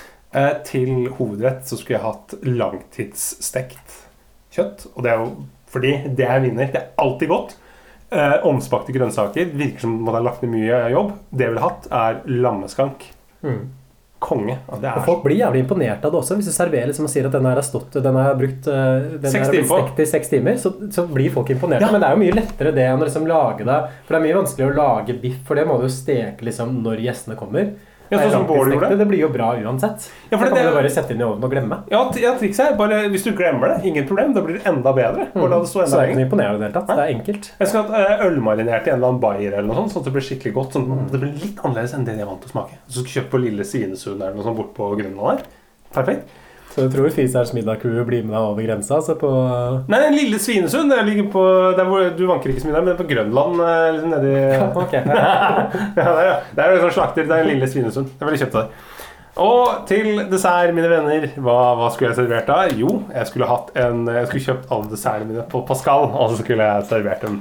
Sagt at du lagde det sjøl? Ja. Du kunne jo kjøpt en kake og så bare liksom skrapt av geleen, og så hadde det en liksom klump på siden. Og så tar vi kremen der, og så kr- kr- krumler det opp. Da har du på en måte litt lagd deg Du har jo kjøpt noe, og så tilberedt.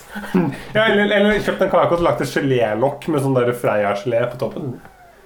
Jeg tror det morsomste jeg har sett sånn dessertmessig, er når Don Martin var med. For han liksom lagde ostekake i anførselstegn. For han gikk og kjøpte en sånn blåmuggost, og så delte han opp i fire stykker. og så skulle det være sånn joke. Men det var ingen av gjestene som tok det, så de bare ble sittende liksom og spise den blåmuggosten med, med kniven oppi. Nei. Skal vi sette strek, kanskje, før vi glir helt ut i Firestjerners middag-mimring? Ja. Takk for oss. Takk for oss. Ha det bra. Ha det. If it feels right, then for my heart. If you feel like take me away and make it okay, I swear I'll behave. Wanted to throw, so I waited, put on a show. Now I make it. say I'm a kid. My ego is big, I don't give a shit. And it goes like this. Take me by the tongue and I know you. Kiss me till you're drunk and I'll show you all the moves like Jagger I got the moves like Jagger I got the moves like Jagger I don't need to try to control you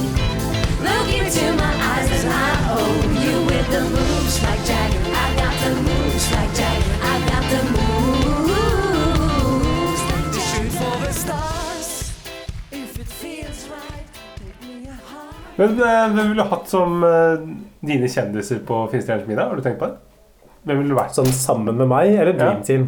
Eh, sammen med deg. Ja, sammen med meg så ville jeg valgt Chartersveien, tror jeg. Ja. Eh, så må jeg ha to damer òg, må jeg ikke det? Eh, ja, men det er jo litt varierende. Jo, det er, det er kanskje alltid to damer. Ja.